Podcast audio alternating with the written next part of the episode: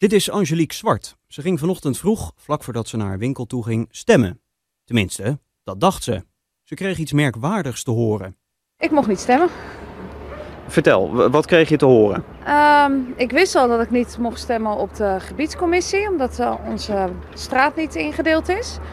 Uh, maar ik ging dus voor de gemeenteraadsverkiezingen en toen zeiden ze dat mijn stempas geblokkeerd was. Met welke uitleg daarbij? Uh, met de uitleg dat ik wellicht dood zou zijn. Nou, dat was niet het geval.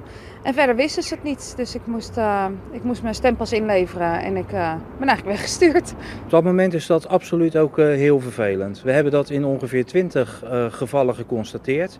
Die mensen die hebben we persoonlijk benaderd. En nogmaals, iedereen die mag stemmen, die kan stemmen in Rotterdam.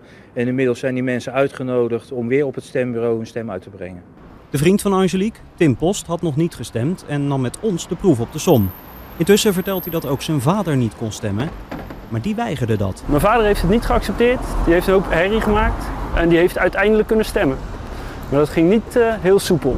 Uh, die hebben hem een handmatig formulier, handmatige formulier in laten vullen en dat heeft hij in kunnen leveren. En dus gaan we kijken of Tim wel gewoon kan stemmen. Goedemiddag. Goedemiddag. Eenmaal binnen krijgt Tim te horen dat hij op een aparte stapel wordt gelegd. Ja, gaan we even bellen, want volgens mij is dit dezelfde Overschiessen weg.